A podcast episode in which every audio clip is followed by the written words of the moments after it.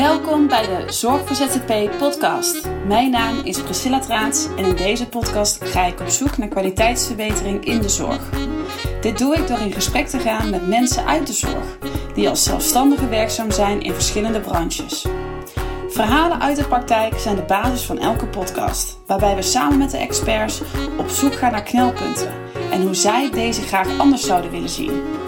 In deze podcast belichten we ook het ondernemerschap, de invloed van verzekeraars en overheid en het voldoen aan wet en regelgeving in de zorg. Ik wens je heel veel luisterplezier tijdens deze inspirerende talk. Welkom bij de Zorg voor ZZP podcast, waarin we vandaag in gesprek gaan met José Hoekstra. José is van huis uit antropologe en bewegingsexpressietherapeut en is ervaringsdeskundige op het gebied van psychoses. Ze heeft door middel van haar eigen ervaringen een helder beeld ontwikkeld op de mentale problemen waar veel mensen mee kampen. Zo schrijft ze onder andere artikelen voor Psychosenet en is ze de drijvende kracht achter de Crazy Wise conferentie. José werkt door haar eigen ervaringen met psychoses en het helen van trauma's nu als docent en crisiskaartconsument en werkt als ervaringsdeskundig cliëntondersteuner. Binnen de geestelijke gezondheidszorg lopen veel mensen met psychische aandoeningen vast en er is al weinig ruimte om vanuit meerdere invalshoeken te kijken naar wat de persoon doormaakt. Want spreken we nu van een psychose of van een spirituele crisis? Daarover gaan we vandaag in gesprek met José. Welkom dat je er bent en dat je mee wilt doen aan deze podcast. Ja, dankjewel dat je me uitgenodigd hebt. Ehm, leuk dat ik hier kan komen vertellen over mijn ervaringen. Um, Laten we daar ook gewoon mee, mee beginnen met deze podcast. Want naast jouw ehm, ja, ervaringen uh, op het gebied van jouw achtergrond en hoe jij hè, hoe je werk doet, heb jij een hele ja, bijzondere persoonlijke ervaring ook. En laten we daar als eerste eens mee beginnen. Want voor we dieper ingaan op de mogelijkheden ja, om mensen met geestelijke problemen beter te kunnen ondersteunen, wil ik je dus ook vragen of je jouw persoonlijke ervaring zou willen delen. Um, ja. Want ja, jij hebt zelf een lange weg van herstel en heling afgelegd sinds jouw allereerste psychotische ervaring. Kun je ons daar mee naartoe nemen? Zeker. Um, dat is, uh, mijn allereerste ervaring was in 1992. Ik was toen uh, eh, 29 jaar oud. En uh, was uh, afgestudeerd als uh, antropoloog en ben op reis gegaan. Ik heb eerst anderhalf jaar in Latijns-Amerika gereisd en toen nog een jaar in Azië. En ontdekte in Azië de meditatieretretes. En dat trok me enorm aan. Ik heb een, voor het eerst een meditatieretraite gedaan in Thailand. En toen ik een half jaar in India verbleef, ontdekte ik dat daar weer een retraite was, ook voor buitenlanders in het Engels.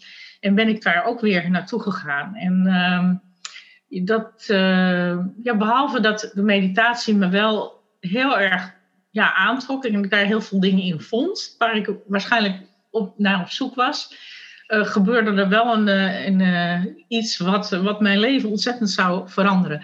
Um, um, ja, je moet bedenken dat ik wel al, ehm, al twee jaar onderweg was in een tijd dat er geen internet nog was. En ik dus ook behoorlijk vervreemd was geraakt. Dat wist ik zelf eigenlijk niet, maar dat was gewoon wel zo. Ik was eigenlijk heel vervreemd geraakt van Nederland. En uh, in zekere zin ook van ervaringen in mezelf en van mijn eigen gevoelens. En dat had ik zelf op dat moment niet door. En de meditatie trok me enorm aan en ik ben daar eigenlijk vrij fanatiek mee aan de slag gegaan.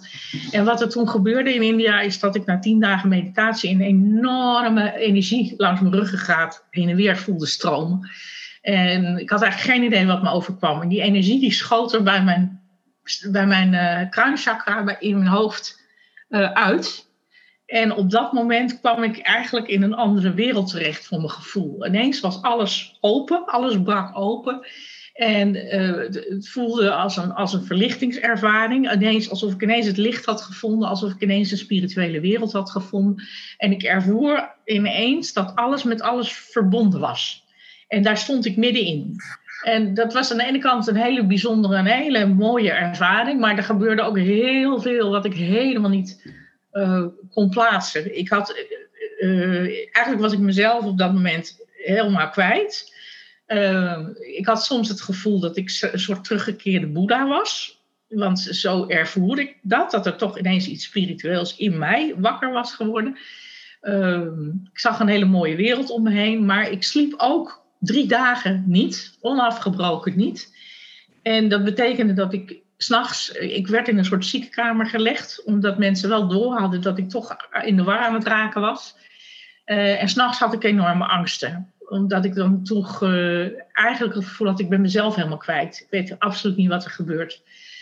En ik ben na, na verloop van tijd door de meditatieleiders teruggebracht naar de, de, plek waar ik verbleef in India. En eigenlijk aan vrienden overgedragen. En die hebben heel uh, liefdevol voor mij gezorgd en mij opgevangen. En die zijn ook een lokale guru gaan raadplegen.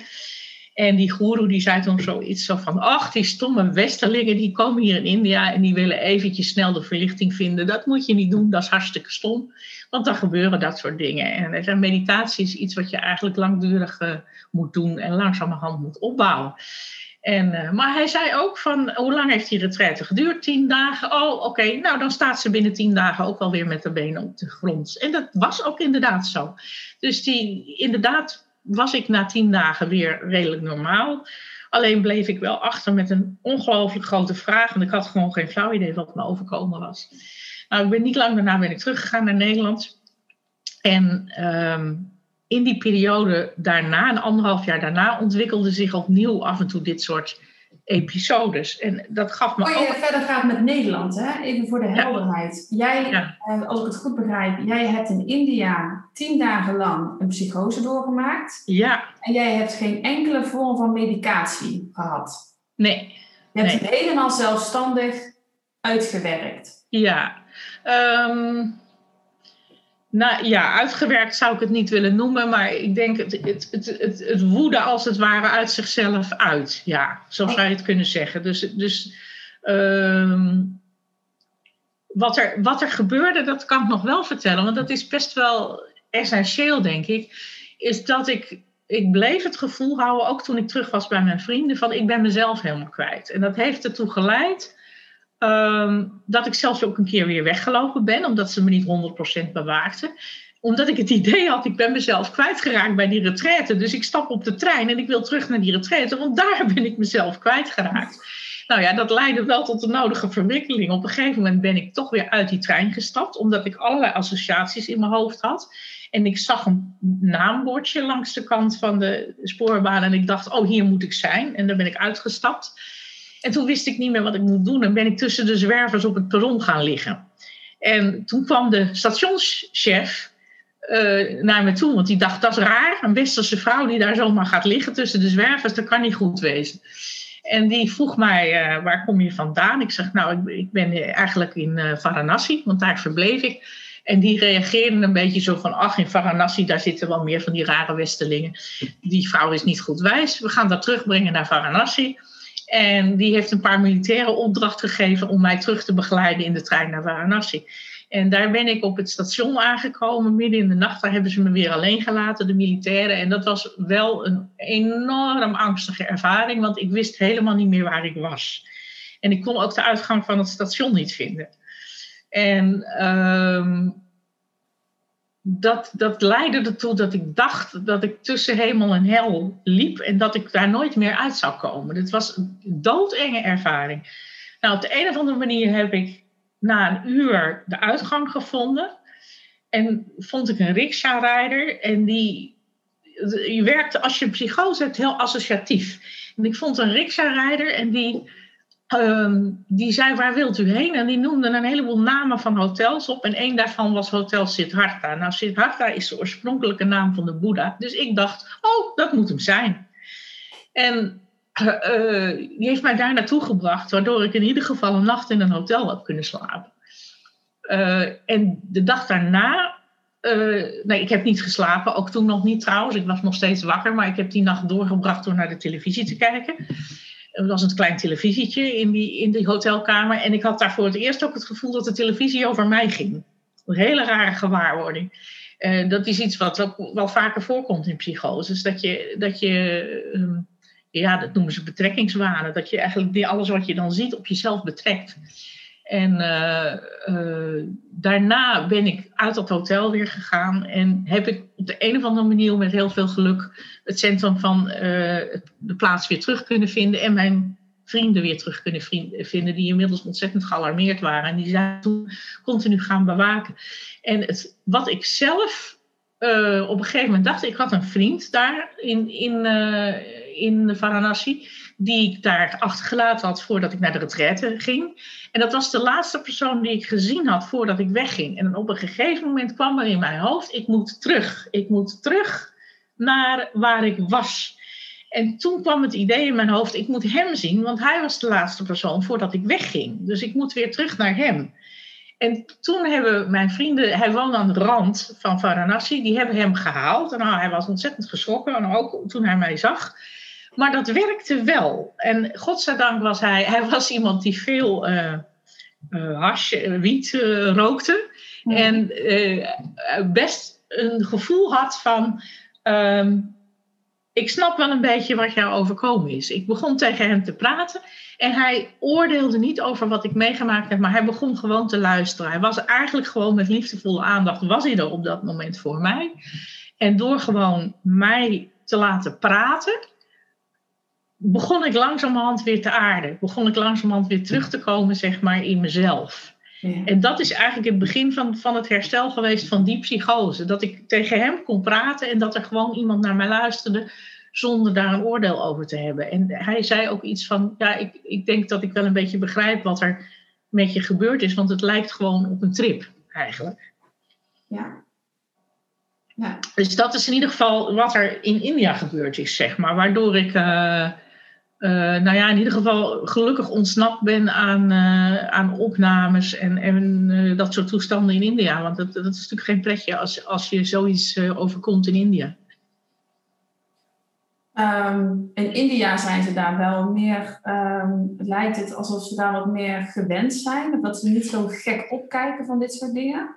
Ja, ja dat klopt. Dat, dat ik, ik merkte ook aan reacties van sommige mensen dat zij um, mij. Maar ik, ik schrok daar zelf van op dat moment. En daar moet ik heel eerlijk in zijn. Dus er waren mensen die. die uh, mij ineens, uh, uh, er stond iemand onder mijn hotelkamer zo omhoog met namaste-houding, omdat men uh, eigenlijk doorhad dat ik een verlichtingservaring had gehad. Dus alsof er inderdaad dat iets zich in mij had gemanifesteerd. En zo werd ik ook benaderd. Ik werd, de riksha-rijders wilden mij eigenlijk naar het heiligdom, een boeddhistisch heiligdom in de buurt brengen. Maar dat was iets waar ik op dat moment zelf helemaal niks van wilde weten. Want dat vond ik doodeng. Daar wilde ik niks mee te maken hebben. En ik was gewoon, ik had op dat moment iets van, ik wil mezelf terugvinden. Ik, vind, ik ben mezelf helemaal kwijt. Ik weet niet wat hier gebeurt. En uh, ik uh, vond het doodeng om um, daarmee geconfronteerd te worden. Terwijl uh, daar was inderdaad natuurlijk wel iets gaande. Ik ervoer dat ook in mezelf. Maar ik vond het doodeng. Dus ik wilde daar op dat moment niks mee te maken hebben. En dat is ook wel iets wat bij mij een heel proces is geweest uh, in de loop der jaren. Ik heb, als ik zeg maar uh, even doorga met het verhaal naar wat er in Nederland gebeurde, is dat ik ja. um, in die anderhalf jaar dus nog een aantal episodes ontwikkelde en uiteindelijk in 1993 uh, in Londen terecht kwam, waar ik een cursus Indiaanse dans volgde en bij een vriendin logeerde. En daar werd ik toen zo ernstig psychotisch dat het. Um, nou ja, dat, dat, dat was echt hel. Dat kan ik je rustig vertellen. Dat was een verschrikkelijke ervaring. En nu zou je zeggen dat heet een gemengde episode. Dus dat je zowel manisch als depressief bent.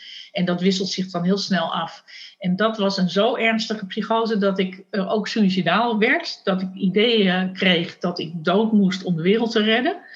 Um, Had je alleen ik... die gedachten? Of verbinden je daar dan ook acties aan? Ja, nou, ik verbind er ook acties aan, al uh, heel, heel, impulsief. Dus dat ik midden in de nacht, ik logeerde bij mijn vriendin op een kamer en zij woonde één hoog in Londen. En dat ik midden in de nacht mijn bed uitvloog en in het raam ging staan om uit het raam te willen springen. Nou was ik daar ook natuurlijk niet dood van gegaan, het was één hoog. Maar dat was wel de impuls. Ik, ik moet nu iets doen. En uh, nou, mijn vriendin is daar zo van geschrokken dat zij toen actie is gaan ondernemen en vrienden in Nederland heeft gebeld. En uiteindelijk mij naar de crisisdienst heeft gebracht in Londen. En ik weet nog wel dat ze mij in de taxi zetten en dat ik zei: Wil je me alsjeblieft naar de hoogste flat brengen? Wil je me naar de hoogste flat brengen? Want ik had toen een enorme impuls: ik moet springen. Ik moet, uh, ik moet dood, ik moet springen. En nou ja, dat deed ze natuurlijk niet. Ze beschermde me toen tegen mezelf, nadat ik in dat raam was gaan staan. En uh, dat, nou ja, dat leidde ertoe dat ik opgenomen werd, dat ik zwaar onder antipsychotica werd gezet in Londen en uiteindelijk gerepatrieerd ben naar Nederland. Uh, daar ben ik zwaar onder de medicatie gezet en uiteindelijk uh, heb ik een maand of twee ben ik opgenomen geweest. Uh, en daar is toen een diagnose gesteld, bipolaire stoornis. dat was voor mij um, op dat moment gek genoeg een soort opluchting omdat die psychose in Engeland zo uh, vreselijk was, dat, dat ik echt uh, ook dacht, ik ben slecht. En daarom ben ik in de hel terechtgekomen. En uh, op het moment, daar was ik zo van overtuigd, dat ik op het moment dat ik hoorde, ik heb een ziekte uh, en uh, nou ja, er is medicatie voor, dat mij dat op dat moment in eerste instantie houvast gaf. Omdat ik dacht van, goh, oké, ik heb een ziekte, nou, daar is er iets aan te doen. En dat heeft me ook wel de impuls gegeven. Zo zit ik dan wel in elkaar. Denk, ja, als ik een ziekte heb, dan kan ik ook beter worden. En ehm, ik heb ook niet op dat moment, wat heel veel mensen helaas wel meekregen, krijgen tegenwoordig. De boodschap gekregen, uh, je bent voor de rest van je leven ziek en je moet altijd medicatie blijven slikken. Daar waren ze. Ik ben in het UMC opgenomen in Utrecht. Ik heb later nog meerdere opnames gehad in Amsterdam. Maar ik zal eerlijk zeggen, in Utrecht zijn ze behoorlijk netjes met mij omgegaan. En daar zijn ze ook uh, daar voorzichtig mee geweest. Ze hadden zoiets, we kunnen er gewoon eigenlijk niet zoveel van zeggen. Je zult het misschien een aantal jaar moeten slikken. Maar uh, ze, ze, hielden daar wel een slag om de arm. Um, uh, nou is het zo dat ik eerste jaar, ik heb een jaar of tien, ben ik toen niet meer opgenomen geweest. ik heb alleen wel elk jaar, ondanks dat ik lithium slikte, ging ik er doorheen en kreeg ik manische psychoses. En die manische psychoses, wat er gebeurde, is dat in eerste instantie had ik heel erg het beeld in mijn hoofd. Oké, ik heb dus een ziekte. Alles wat er in India gebeurd is, dat moet ik maar vergeten. Dat probeerde ik weg te drukken. En dat probeerde ik te vergeten. Ik had geen idee wat er gebeurd was. Ik wilde er niks mee te maken hebben. Ik heb blijkbaar een ziekte. Alleen uh, de, de werkelijkheid uh, haalde me eigenlijk in. Dus ik, ik werd elke keer in die manische episodes zo ontzettend geconfronteerd met allerlei ervaringen. Die, die uh, spirituele ervaringen. Dus opnieuw dat gevoel van dat het licht doorbrak. Dat ik het gevoel had dat alles met elkaar verbonden was. Maar ook allerlei andere ervaringen. En dat resulteerde er na een paar jaar in dat ik zelfs. Uh, ik voelde me heel erg geleid. Ik had allerlei synchroniciteitservaringen, toevalligheidservaringen. En op een gegeven moment leidde dat ertoe dat ik in een psychose echt hele bijzondere ervaringen had in contact met um, Sirius en met, um, ja, ik kreeg van alles door rondom Egyptische goden. En nadat die psychose weer voorbij was, werd ik geleid naar een boekwinkel in Amsterdam. En ik loop daar binnen en ik loop zo tegen een boek aan. Wat gaat over de relatie tussen uh, het contact wat al op allerlei, al eeuwen, ook met verschillende volkeren, er is geweest met Sirius. Ik wist niet eens wat Sirius was, notabene. Dat was het grappige. Ik had daar niks over gelezen. Ik dacht, oh, Sirius, dat is een schip van Greenpeace.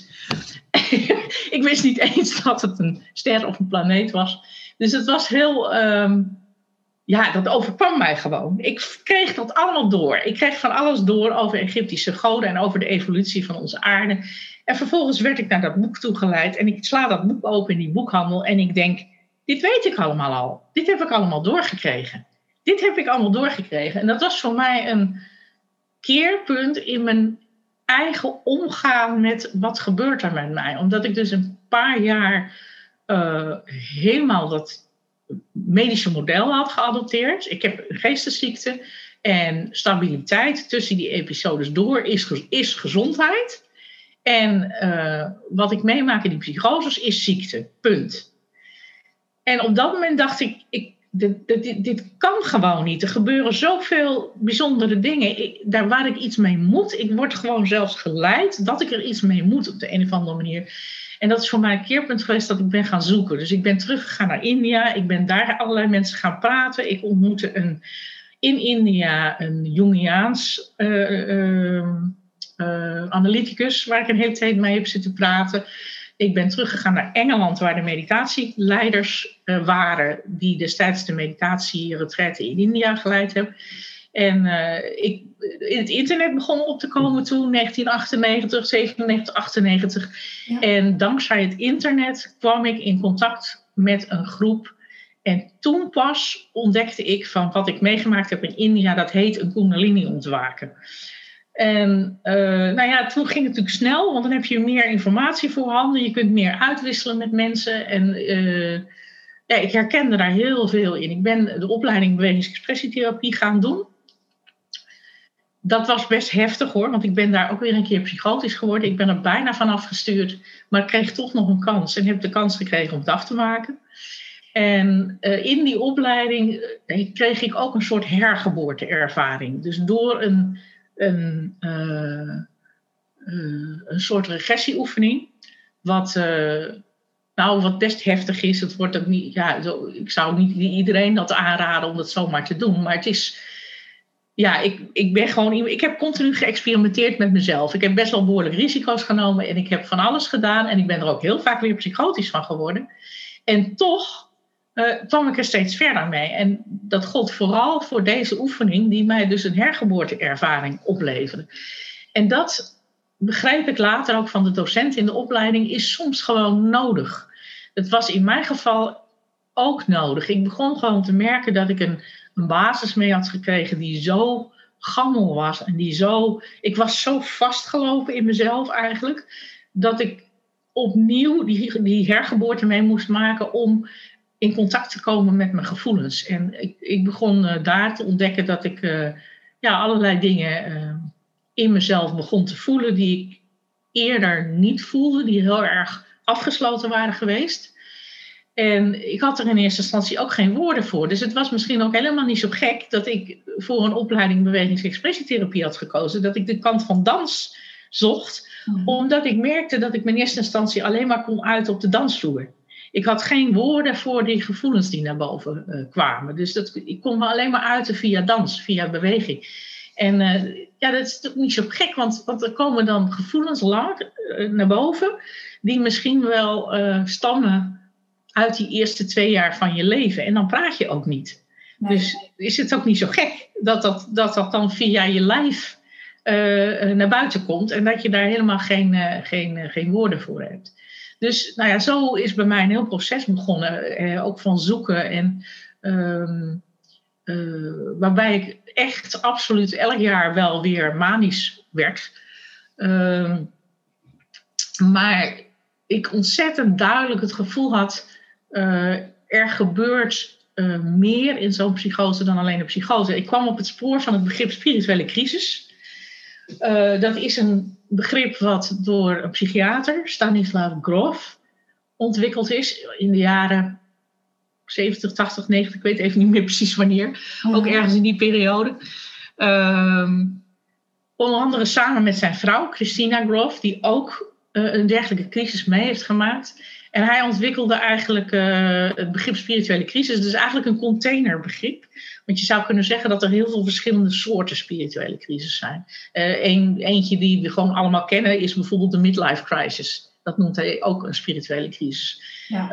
Uh, een andere crisis is bijvoorbeeld de shamanistische crisis. In heel veel culturen um, hebben shamanen een soort inwijding, waarbij ze ook heel ziek kunnen worden, heel erg in de war kunnen raken. Maar dat is dan uiteindelijk hun inwijding tot shamaan. En hij noemt dus ook uh, het Kundalini-ontwaken als één van de spirituele crisis.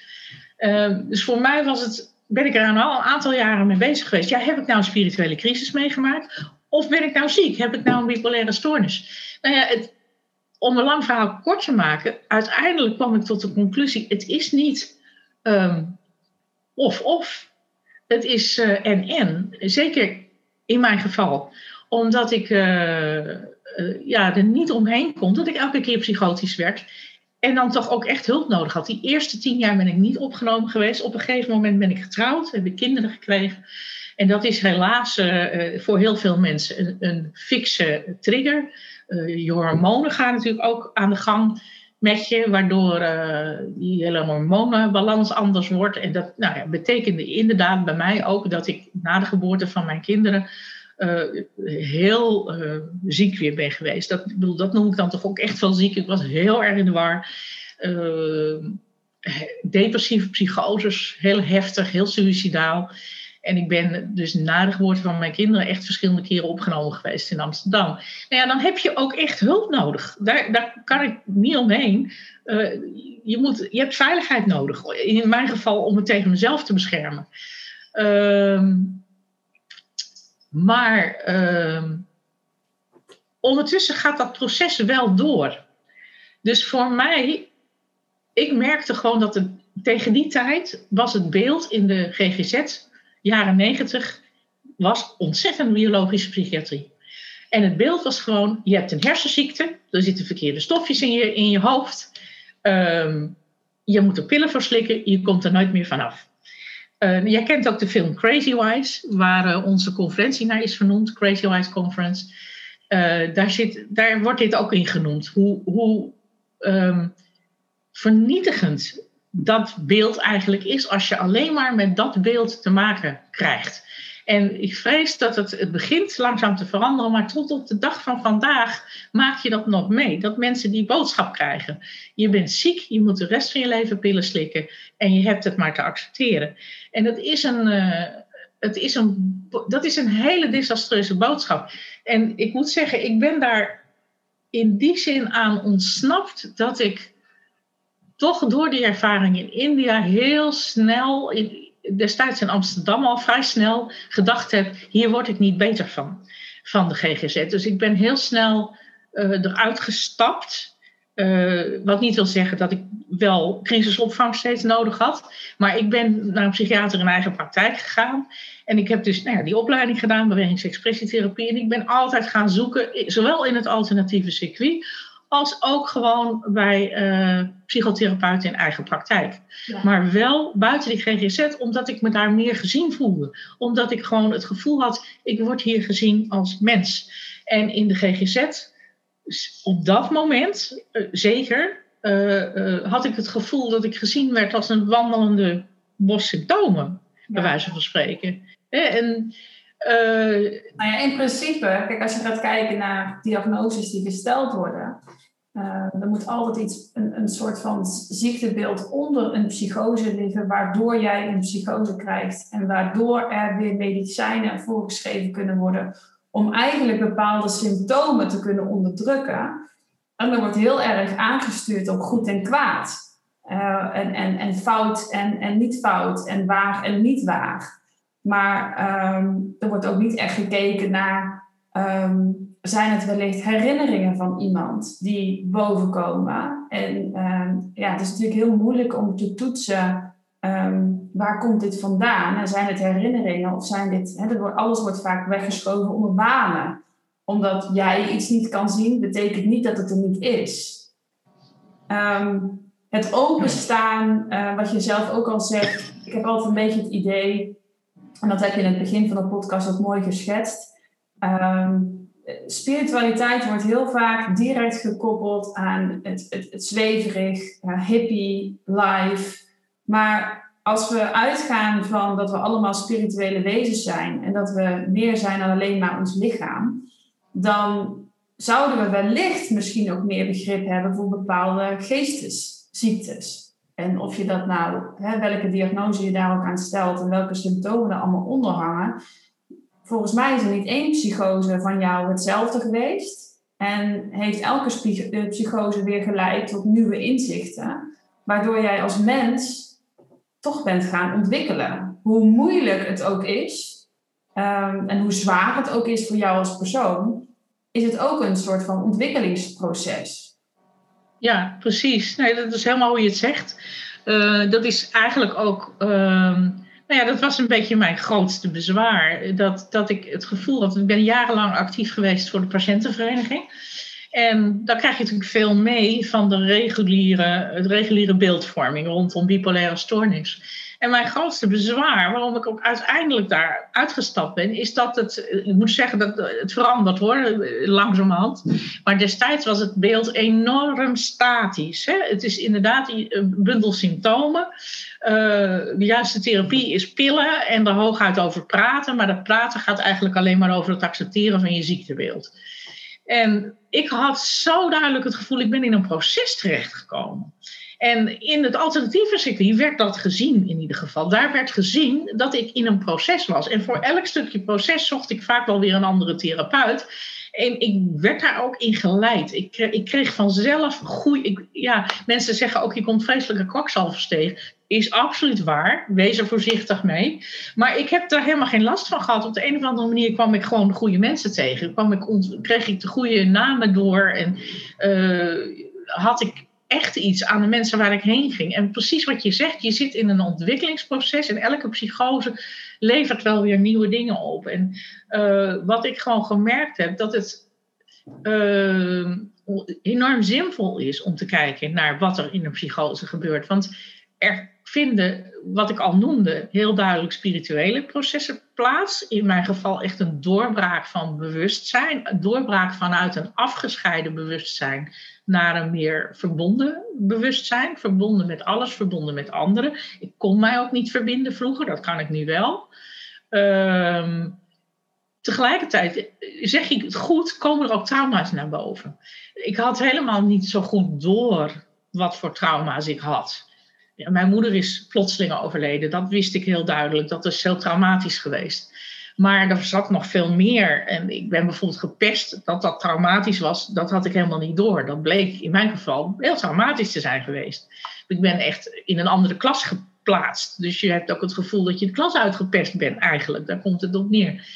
Ehm, maar er bleek veel later ook nog trauma veel vroeger te zitten. Maar dat kwam geleidelijk aan, kwam dat naar boven. En dan ook steeds weer inderdaad in psychotische eh, ervaringen. Maar ehm, soms komt dat trauma ook uh, in een andere vorm naar boven. Ik zal je één voorbeeld vertellen, een heel concreet voorbeeld, waarvan ik eerst dacht dat het een vorige levenervaring was. Ik heb overigens wel ook ervaringen gehad waarvan ik echt het gevoel had: dit zijn beelden uit vorige levens. Of ze nou persoonlijk van mij zijn of van anderen, dat laat ik in het midden. Maar ik krijg wel beelden door van vorige levens. Het komt niet uit boeken. Dit komt echt uit mijn eigen bewustzijn op de een of andere manier, of uit het grotere bewustzijn waar ik mee in contact sta. Maar er was op een gegeven moment een korte psychose van een weekend, jaren geleden in Amsterdam, waarbij ik meende dat ik in een kelder opgesloten zat.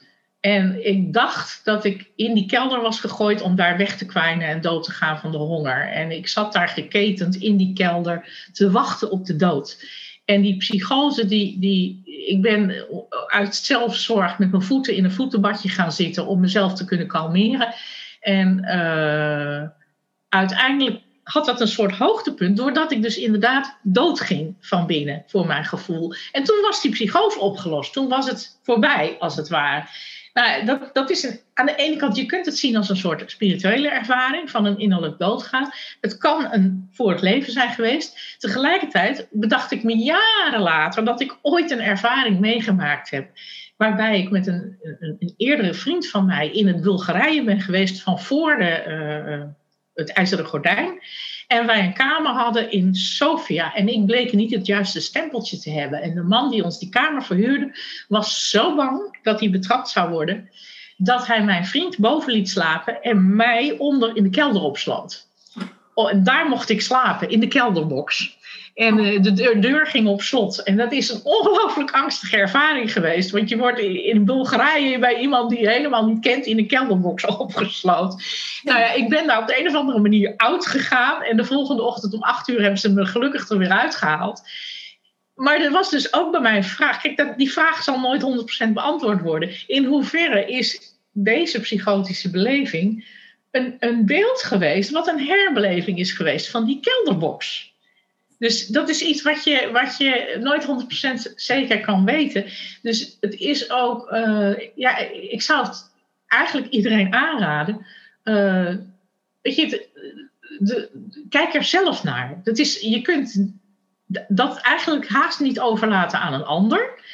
Psychotische belevingen zijn voor jou wat ze voor jou zijn, wat ze voor jou betekenen. En ik heb daar zelf heel veel in uitgezocht en dat heeft me ook heel veel geholpen. Een ander ding wat ik bijvoorbeeld mij enorm geholpen heeft, is dat ik, ik had ook heel veel grootheidswaarden. En wat, wat in India Boeddha was, dat is heel grappig eigenlijk ook, want het is cultureel bepaald. Wat in India Boeddha was, werd in, uh, in het Westen op een gegeven moment Jezus. Mhm. En dan ga je dus zien dat je dat, het, dat, die, dat spirituele gevoel van die soort, ja, de soort messiasachtige gevoel wat in jezelf opduikt. Van er is iets groots spiritueels in mij ontwaakt. Dat krijgt dus in, in, een, in een context van boeddhisme een heel andere vorm dan in de context in Nederland, waarin je weer in een christelijke cultuur zit. En uh, ik ging dat soort dingen onderzoeken. En een van, ik had op een gegeven moment ook het idee dat ik allemaal keizers was geweest in mijn vorige leven. En dan ging ik op onderzoek en toen ontdekte ik op een gegeven moment dat twee mensen die ik dacht te zijn geweest tegelijkertijd hadden geleefd. Dan dacht ik, ja, dat kan niet. Dus op die manier ging ik wel een beetje op zoek van wat is nou waan en wat is nou echt spirituele ervaring. Maar ik begon in die tijd ook te ontdekken dat ik eigenlijk een heel negatief zelfbeeld had. En ik, zo ontdekte ik dat die grootheidswaarden, die, die waren een soort van uh, andere kant van de medaille ja. van het negatieve zelfbeeld. Dus ik begon een soort van spiegel. Voor ja, een soort, soort, ja, inderdaad, een spiegel. En je houdt jezelf de andere kant voor om, om uh, niet die, uh, uh, dat enorme negatieve zelfbeeld te voelen. Ja. En ik, dat is dus ook iets, ja, waarom ik denk, weet je, in die tijd, het is, dat begint nu gelukkig wel iets te veranderen, maar kregen mensen met psychoses nooit psychotherapie aangeboden, want dat was zogenaamd gevaarlijk in die tijd. Gelukkig verandert dat nu wel, maar het is iets waarvan ik denk, oh, laten we dat in godsnaam meer doen, want um, dit soort, het heeft tijd nodig hoor. Het is wel iets, je kan dit echt niet in acht weken psychotherapie oplossen. Dit zijn langdurige processen. Maar het heeft wel zin om, om, om dit soort dingen wel te doen. Ik ben echt om de havenklap op een gegeven moment maar weer naar een therapeut gegaan om weer een bepaald stukje uit te werken. En langzamerhand kwam dat besef van, ja, begon ik dat zelfbeeld meer te helen. Dat had in mijn geval bijvoorbeeld heel erg met die pestervaringen te maken. Dat ik echt dacht, ik ben, ik ben een stom kind. Dat zat echt in mijn hoofd. Ik ben een stom kind, ik ben het niet waard om welkom te zijn in de groep. Uh, had ook nog met oudere dingen te maken van mijn jeugd. Mhm.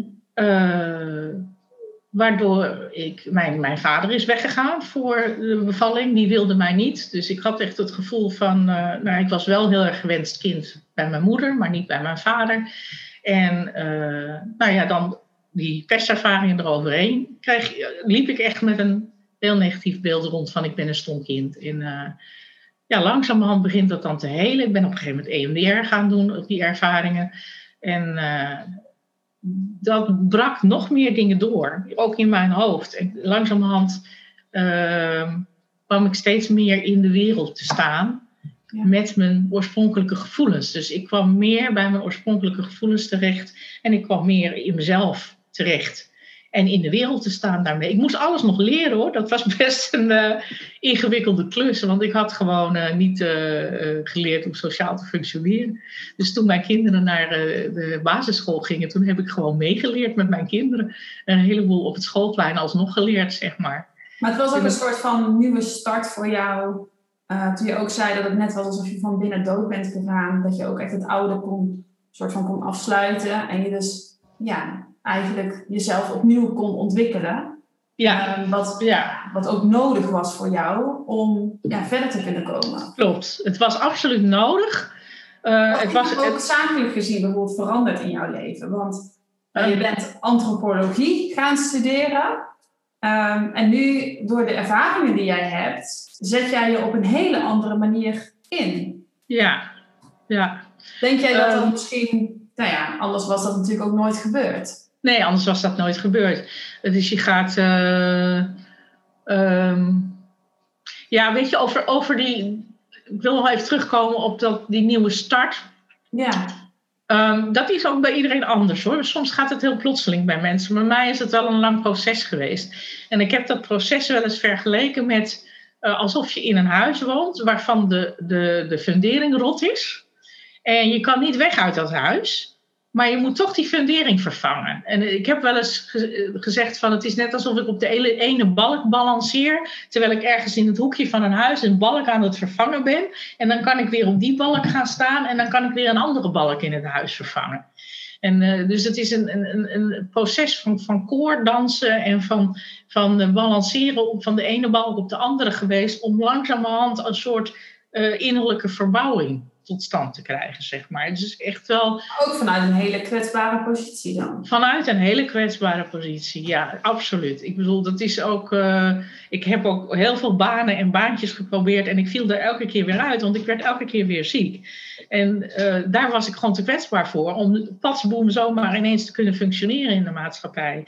En uh, ja, dat is nog steeds, ja, op de dag van vandaag uh, in het werk wat ik nu doe, het enorm grote voordeel dat je als ervaringsdeskundige uh, kwetsbaar mag zijn. En je mag, want je werkt met je eigen achtergrond, je werkt met je eigen verhaal en je werkt samen met mensen die ook van alles en nog wat hebben meegemaakt. En uh, je mag daarin je eigen kwetsbaarheid meenemen. En de plek waar ik nu werk, ik, betaal, ik werk, ik noem het altijd maar betaald vrijwillig. Ik werk vrijwillig met een vrijwilligersvergoeding.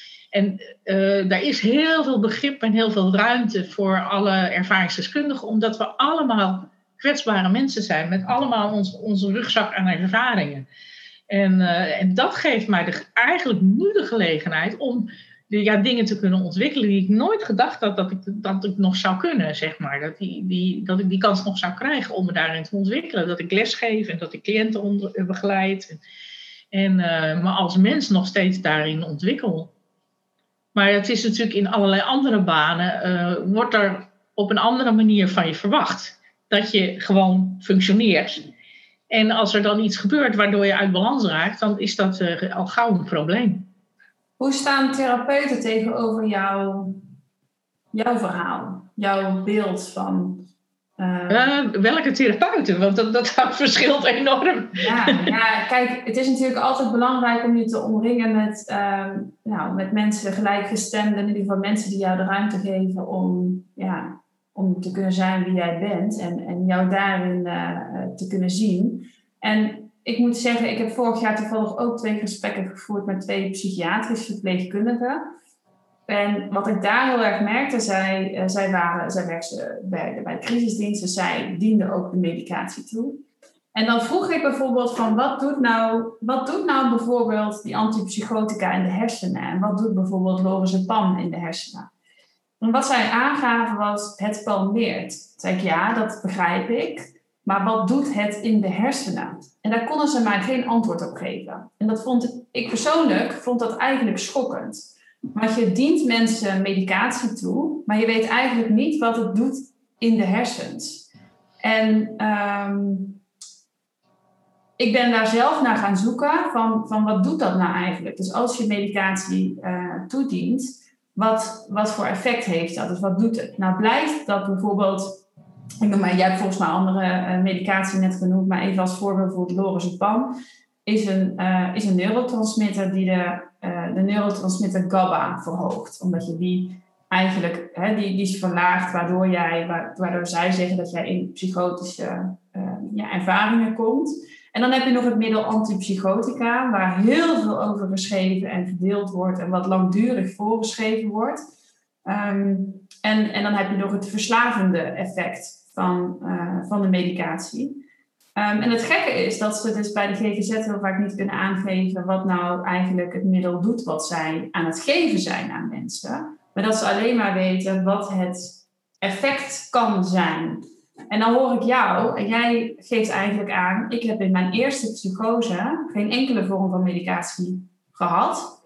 En ik ben ook op jou uh, uh, op de conferentie van Crazy Wise geweest, waar jij uh, onderdeel van uitmaakt in de organisatie. En daar was een vrouw uit Noorwegen die, uh, die het verhaal van haar healing community deelde. En waarbij eigenlijk centraal gesteld werd dat een psychose zelfstandig uitgewerkt kan worden. Dus dat het nooit is dat jaren, dat je jaren in de psychose blijft zitten. Maar zij staat er eigenlijk voor dat mensen een veilige omgeving moeten kunnen krijgen. Waarbij zij met de juiste ruimte en begeleiding de psychose zelfstandig zouden kunnen uitwerken. Ehm, dat biedt natuurlijk heel veel weerstand in de reguliere gezondheidszorg. Want volgens mij is het beeld nog steeds een beetje dat mensen die psychotisch zijn misschien wel gek zijn geworden. Er wordt ook heel vaak de term in de wacht gebruikt. Ehm, ik vraag me af of, of dat klopt. Ehm, hoe, hoe, merk jij dat een, de reguliere gezondheidszorg hiermee om zou, ja, omgaat en om zou willen gaan? Ja, uh, nou ja, dat is inderdaad een lange weg, ben ik bang. Maar gelukkig worden er wel stapjes in genomen. Um, ja, ik ben natuurlijk ook geen expert op het gebied van medicatie. En het klopt inderdaad dat ze volgens mij nog steeds niet exact weten wat het doet in onze hersenen. Ze weten alleen inderdaad ongeveer uh, effecten. Um, ik slik zelf nog een hele lage dosering medicatie. Dat is zo weinig dat men af en toe denkt, is dat niet placebo? Nou, dat is het voor mijn gevoel niet, want als ik het niet slik, gaat het toch mis. De laatste jaren helpt mij dat wel echt om die hele lage dosering te slikken.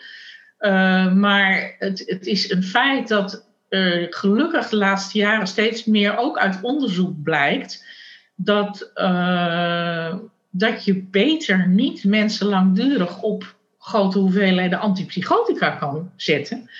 Want uh, dat, is, dat is niet bevorderlijk voor het herstel. En uh, ik geloof ook dat het zo is dat ongeveer twee derde van de mensen die psychoses meemaken, eigenlijk uit zichzelf herstellen. Ook als je geen medicatie geeft. Um, dus je zou kunnen zeggen dat een derde, nou ik, ik hoor zelf toch wel bij die een derde, maar ook dan kan je dus herstellen. Een derde van de mensheid, van de mensheid, mensheid, een, derde van de mensen die, die uh, psychoses meemaken, heeft echt een ernstig psychiatrisch beeld. Nou, daar hoor ik wel bij. Maar dan nog denk ik, ben ik ook een voorbeeld van dat je ook dan goed kan herstellen. En uh, wat jij zegt, veiligheid, gezien worden voor wie je bent, als mens, een veiligheid ervaren, je welkom voelen, is zo verschrikkelijk essentieel daarvoor. En ik ben zo eigenwijs geweest dat ik dat zelf ben gaan zoeken buiten de GGZ. Maar ik heb ook voorbeelden gezien van mensen die heel braaf in die GGZ hebben gezeten en die daar, daar werkelijk als een wrak bij zitten op een gegeven moment. Ik heb ook echt wel eens gedacht, als ik dat gedaan had, dan was ik of als een wrak in die GGZ terechtgekomen, of ik was er nu niet meer geweest. Het was voor mij, ik heb letterlijk ervaren dat ik de keus had, omdat ik ook echt in dat spirituele proces terecht was gekomen. Het is zelfmoord of uitwerken. Dus ik had geen keus. Ik moest en ik zou alles wat ik tegenkwam in mezelf uitwerken, uitwerken, uitwerken. Dat is, het is voor iedereen anders. Niet iedereen heeft precies zo'n soort spirituele ervaring. Alle psychoses zijn anders. Je hebt ze in vele vormen en maten.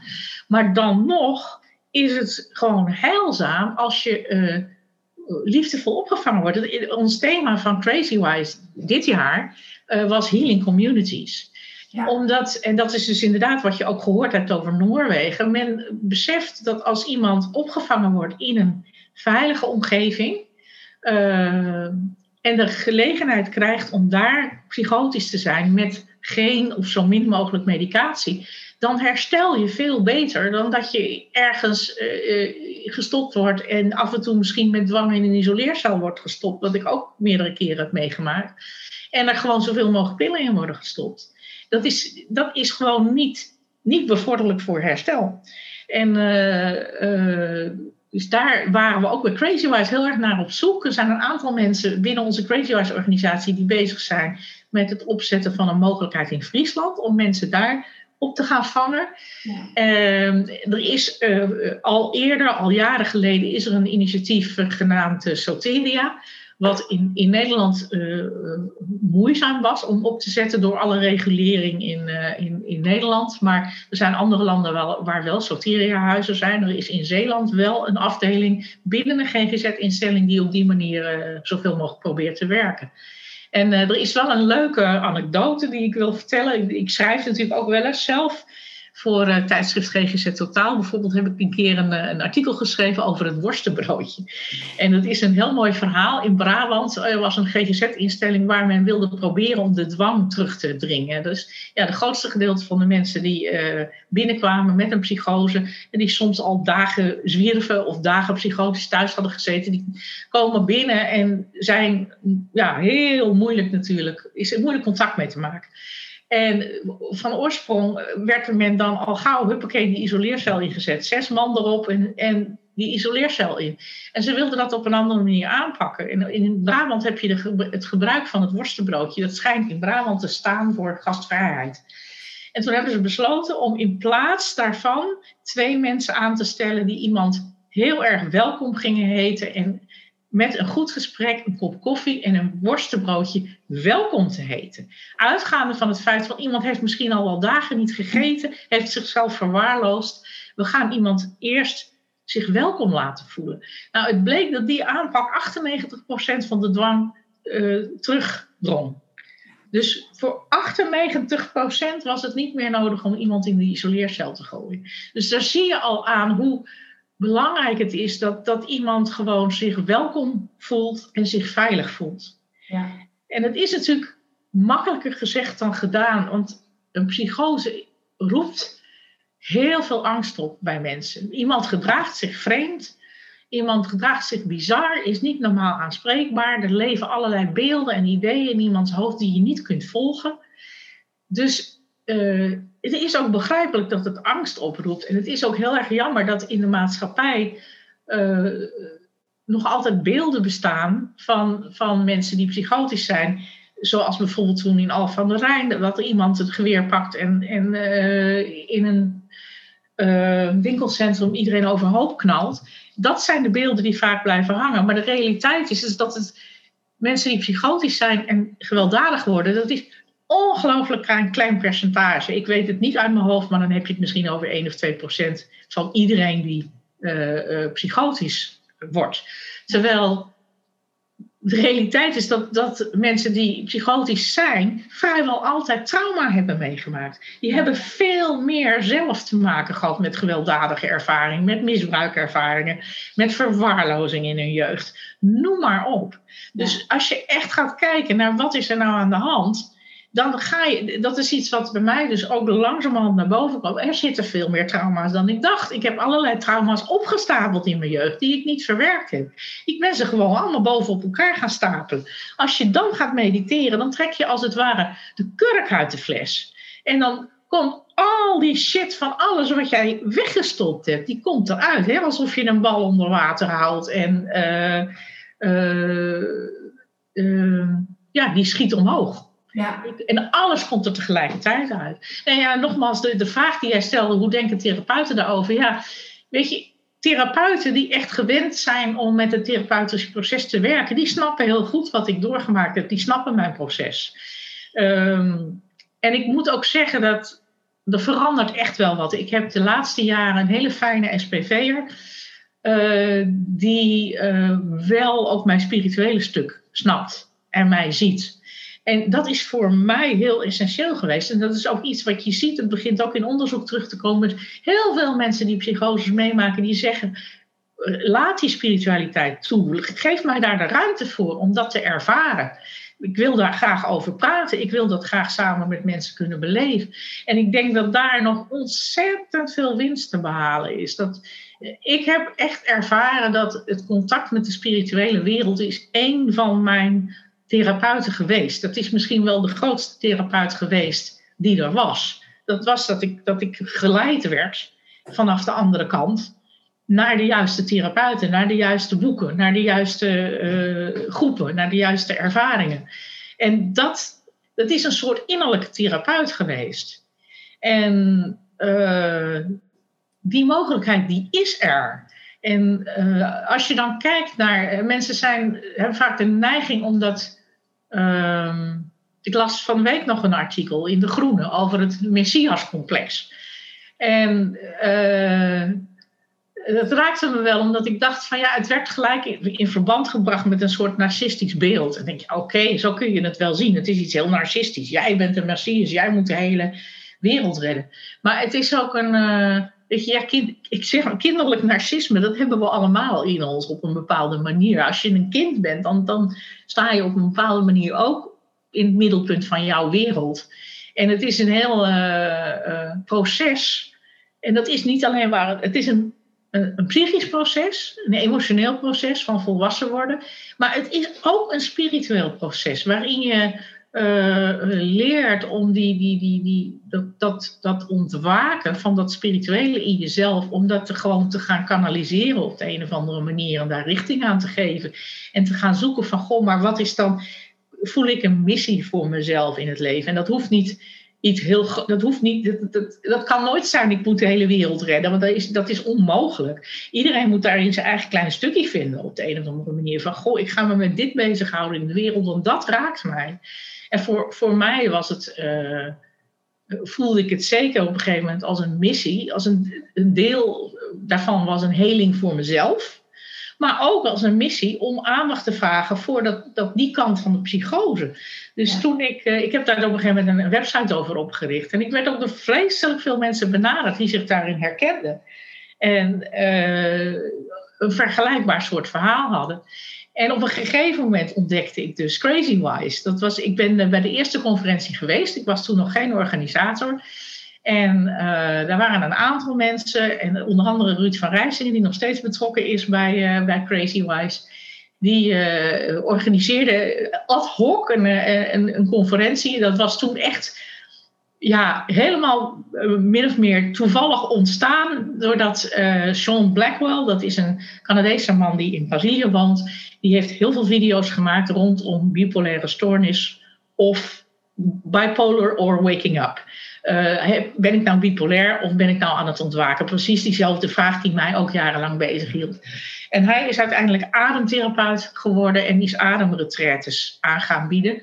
Uh, die, uh, ja, waarin hij mensen met bipolaire stoornis, maar ook met andere problematiek, een, een manier biedt om heling te vinden. Zeg maar.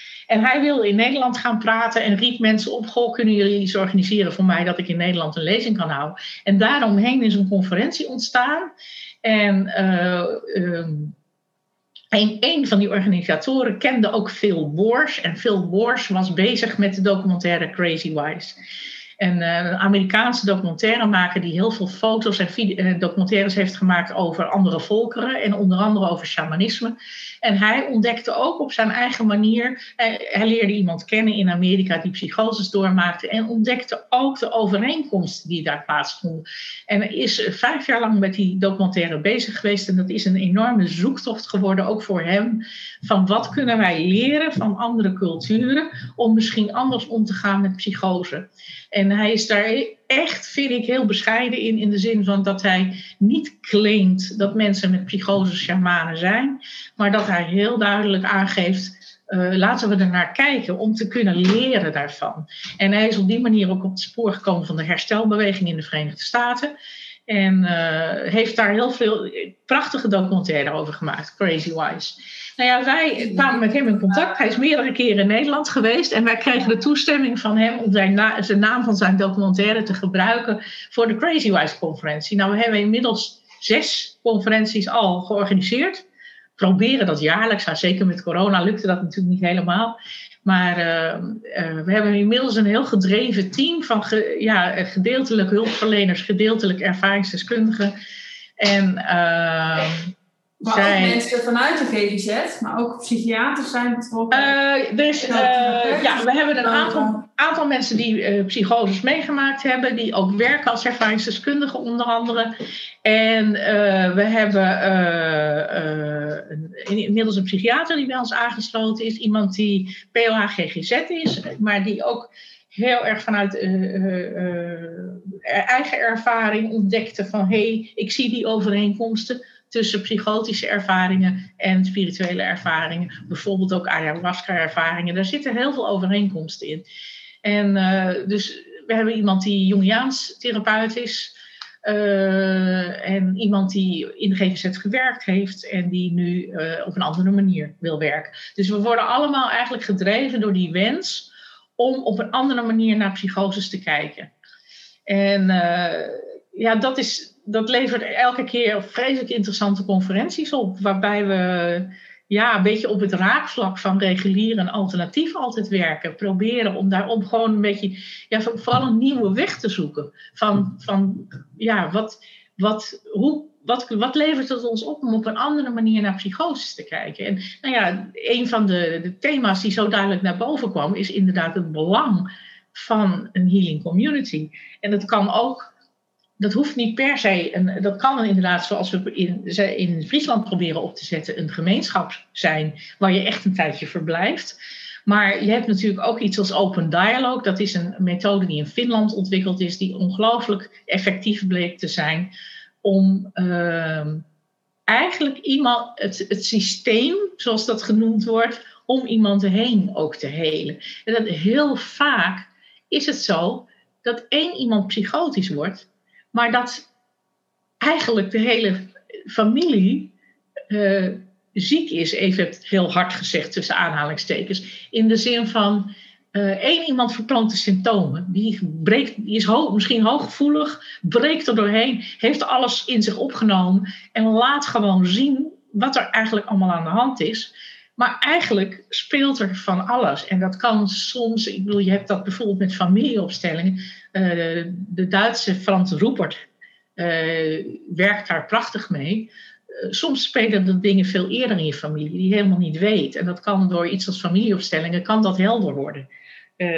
misschien is er wel een verdwijning geweest in je familie, of een moord, of misschien is er een kind dood gegaan, of, of noem maar wat. Er kan van alles spelen wat generaties lang doorwerkt, zonder dat je het zelf weet. En uh, nou ja. Maar wat wel um, grip op jou, of in ieder geval onbewust uh, grip op jou heeft. Maar dat is ook wel als je gaat kijken naar heling, dan alles wat jij heelt in jezelf, heel je ook in de ander. Dus wat ja. jij aangeeft, dat je het hele systeem eigenlijk verandert, doordat je zelf de ruimte krijgt en neemt om te helen. Uh, ja. Zo ook je omgeving inderdaad. Um, ja, in zekere ja. zin neem je, je, je omgeving wel mee daarin. Ja. Uh, en uh, ja, iets als Open Dialogue doet dat bewust. Dus dat is heel mooi. Hè? Dat, dat je echt daadwerkelijk met je omgeving gaat praten op een manier waarin mensen hun ware behoeftes gaan vertellen en hun, hun frustraties uiten. En, en, en niet meer beschuldigend. vanuit het gevoel en niet vanuit... vanuit het gevoel en vanuit dat iedereen gaat spreken vanuit het eigen gevoel en de eigen behoeften. En niet meer met de beschuldigende vinger, want dat is vaak het probleem. Ja. dat, er, dat, dat er in een systeem uh, één iemand als het zwarte schaap wordt aangeduid, of als de slechterik, of als de zieke, of wat dan ook. En dat houdt een boel heel erg in stand. En dat is iets waar Open Dialogue van uitgaat, dus dat je dat doorbreekt. Maar dat is dan ook meer die holistische benadering Um, nou, waar niet alleen de geestelijke gezondheidszorg behoefte aan heeft. Maar dat zie je natuurlijk algemeen in de zorg.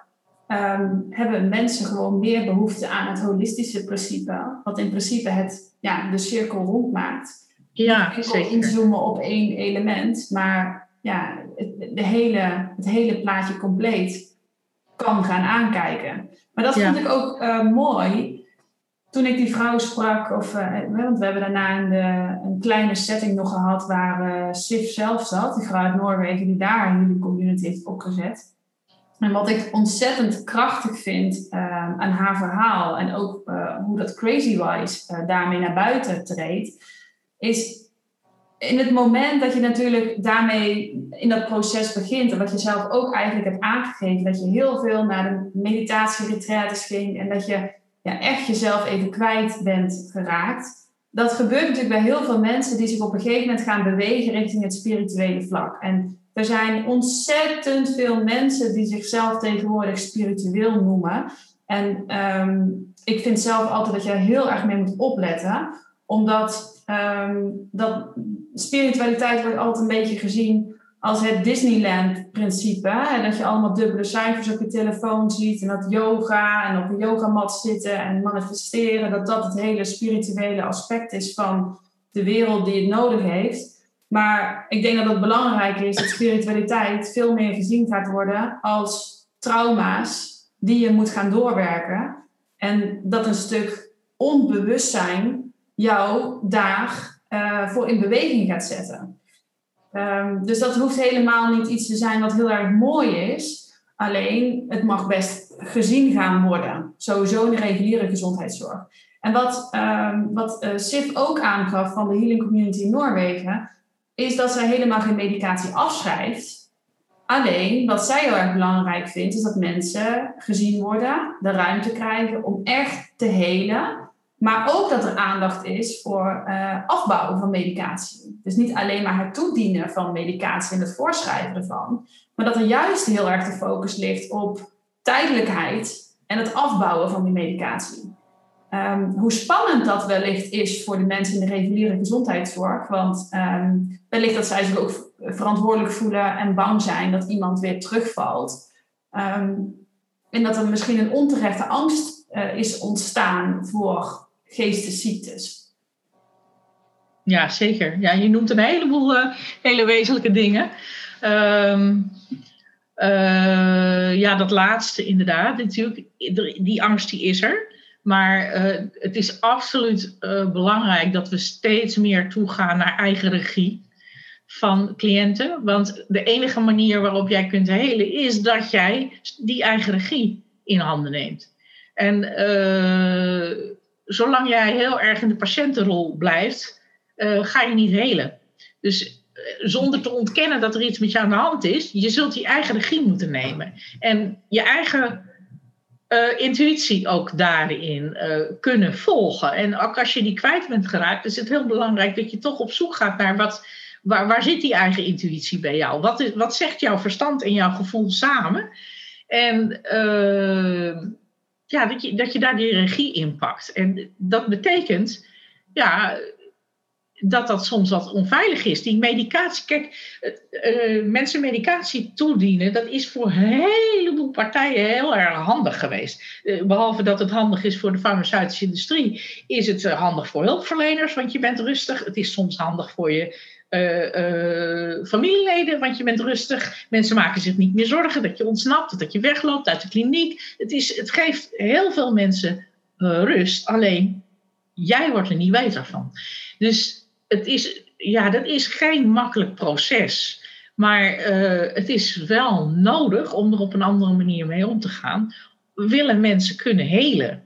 En inderdaad, wat je zegt, uh, gelukkig is in Nederland uh, Jim van Os, hoogleraar Jim van Os, daar, heeft zich daar heel erg hard voor gemaakt. En inmiddels ook andere mensen voor die tapering strips. Dus dat je dus inderdaad afbouw, ook bij antidepressiva onder andere, wat heel moeilijk is om, vanaf te komen, is dat je de mogelijkheid krijgt om, om in hele kleine doseringen langzamerhand medicatie af te bouwen. Uh, dat is gewoon vreselijk belangrijk, dat je niet eindeloos maar al die emoties blijft onderdrukken. Want je hebt die emoties wel nodig voor je helingsproces. En ja. Ja, medicatie kan wel ondersteunend zijn als je het niet te veel neemt. En als het niet nodig is, niet doen. Nee. Maar iets heel anders wat je eerder, wat daarvoor uh, noemde, daar wil ik er al even op terugkomen. Dat is dat spirituele. Uh, ja, dat, dat is wat jij noemt. Uh, dat is, het is heel belangrijk en dat is iets wat ik op mijn eigen website over Kundalini-crisis ook heel duidelijk benoem. Is een, een van de belangrijkste dingen in het spirituele proces is aarde. En dat is iets wat heel vaak vergeten wordt. Want in die behoefte naar dat spirituele willen we allemaal omhoog. Naar dat spirituele. Maar als je daar blijft hangen en je gaat niet aarden, dan krijg je wat ze noemen spiritual bypass. Dan ga je heerlijk zweven. Oh, het is allemaal zo mooi in de spirituele wereld. En dit, dit beleven we. En dit alles beleven. is licht en liefde. Alles is licht en liefde en alles ja. is mooi. Ja. Maar je ziet niet je eigen trauma's. Je ziet niet je eigen zwarte kant. Iedereen heeft ook een schaduwkant. Ik bedoel, ik ben mezelf uh, uiteindelijk in, de tijd dat mijn huwelijk kapot ging. Nou, dan kom je jezelf ook wel tegen. Kan je soms hele lelijke dingen doen. En dan, uh, of uiteindelijk is het, is het, moet je die dingen ook onder ogen zien. Zo van, ja, je hebt een eigen schaduwkant.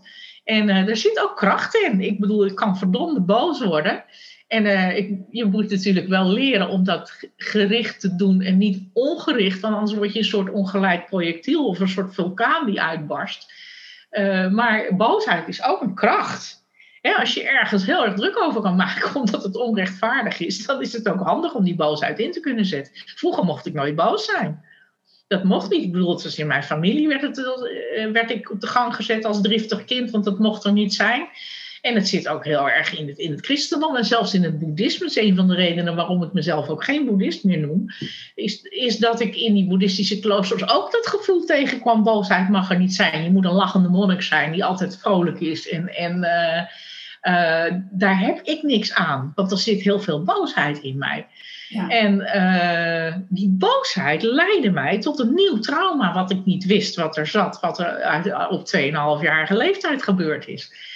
En uh, dat hielp me ook toe dat dat naar buiten kwam. En dat, het zich ook, nou, dat ik het ook kon gaan verwerken. En dat ik ook heel veel dingen kon plaatsen in mijn leven, hoe die gegaan zijn. Doordat dat toen al gebeurd is. En ik me ook realiseerde, toen al zijn mijn emoties onder tafel verdwenen. Mochten ze er niet meer zijn, is het ook niet gezien door mijn familie, niet begrepen. En uh, hoe mijn familie in elkaar zat, was toch een vrij dysfunctionele familie. Um, ja, ben ik, uh, nou ja, ik kon goed leren en daar kreeg ik waardering voor. En dan ontstaat er een situatie dat je een braaf en aangepast meisje wordt en dat al je emoties wegstopt, omdat je uh, gewoon uh, goed kan leren en goede cijfers haalt en daar krijg je waardering voor en dat is het dan. Nou ja, totdat ik op mijn 29ste in de psychiatrie terecht kwam, toen dacht ik, vrek, daar gaat het leven dus blijkbaar niet om, om goed kunnen leren, cijfers halen, want anders zat ik hier niet. Nee. Dus ja, toen ben ik een hele andere weg ingeslagen. Maar wat je zegt, uh, dat, dat daarom, ik ben daar intuïtief, automatisch de goede weg mee ingeslagen door die bewegingsexpressietherapie te gaan doen. Ik heb daarna ook nog een paar jaar haptotherapie gedaan. Die opleiding heb ik niet afgemaakt. Maar dat heeft me wel in mijn lijf gezet. Ik zat gewoon niet in mijn lijf. Ik was door, door allerlei traumatische ervaringen heel erg in mijn hoofd gaan zitten. En ik denk dat dat ook wel even, misschien voor mensen. Ik heb afgelopen week een podcast opgenomen met uh, Isabelle Chapin. Die komt uh, voor deze podcast online. En uh, zij houdt zich dus ook heel erg bezig met nou ja, dit soort aspecten, maar dan in therapievorm, één op één.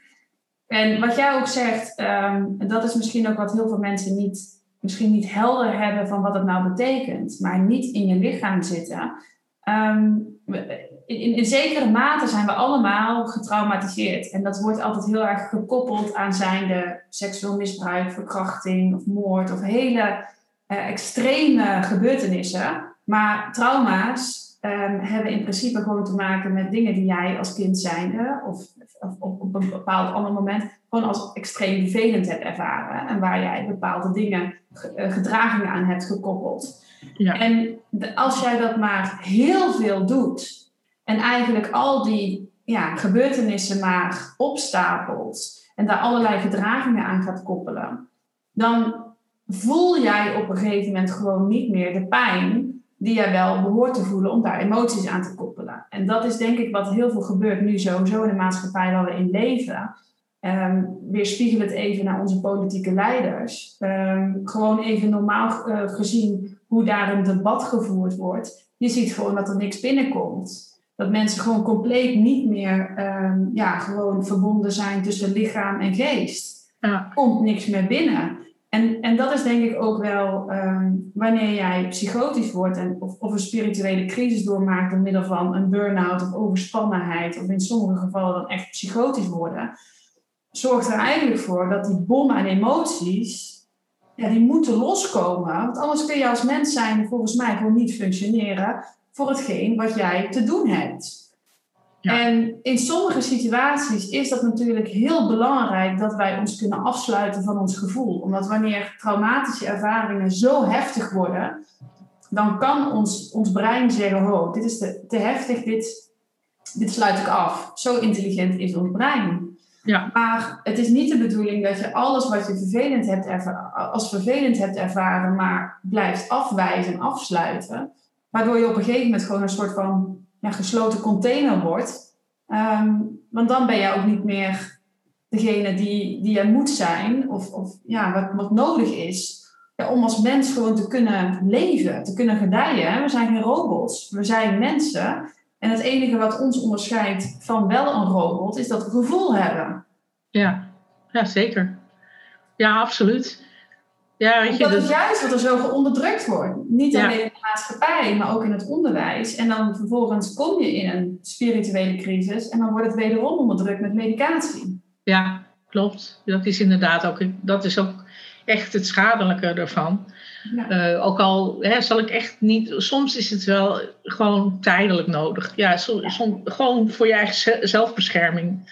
Ehm, en ik moet zeggen, ook angsten. Soms zijn er ook vreselijke angsten waarvan je denkt, nou, het is toch wel fijn dat, daar iets van medicatie voor is, omdat de angst te groot is.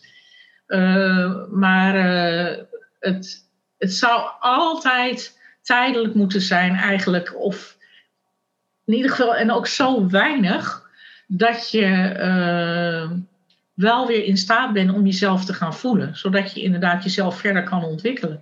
Ja. En ja, die, die, uh, want ja, ik, ik, als ik naar mezelf kijk, ik ben volkomen vervreemd geweest. Het klopt wat je zegt. Zo van, ik ben echt vervreemd geweest van mezelf, omdat je dus heel jong al begonnen bent om uh, um, gevoelens weg te stoppen, omdat je, omdat je niet meer uit de voeten kan. Je snapt ze niet, je begrijpt niet wat er gebeurt als je zo jong bent.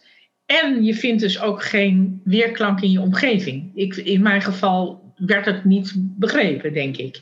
En uh, het klopt ook, wat jij zegt, is ook goed dat je dat aanhaalt.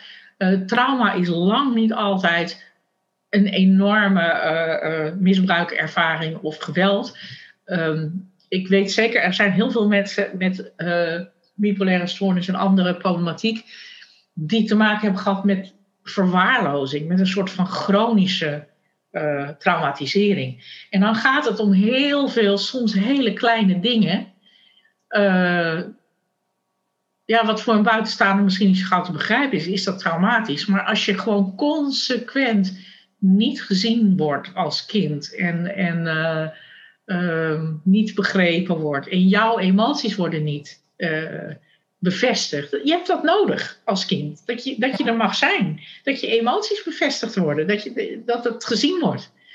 En dat is, daar word je op den duur gek van als dat niet, uh, niet, uh, gewoon niet gebeurt. Zeg maar. Dat is echt. Dat kan heel vaak ook tot allerlei psychische problematiek leiden. Gewoon ja, een chronische traumatisering, verwaarlozing.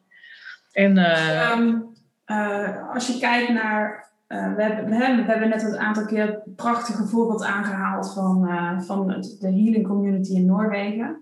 En ja, als je alleen al de foto's ziet, dan denk je echt wat een omgeving. Hè, dat, is, dat is volgens mij de meest ideale plek die je maar kan bedenken bijna. Ja. ja. um, maar met Crazy Wise is, hebben jullie natuurlijk het doel om daar meer aandacht voor te vragen, om daar ook meer zichtbaarheid aan te geven.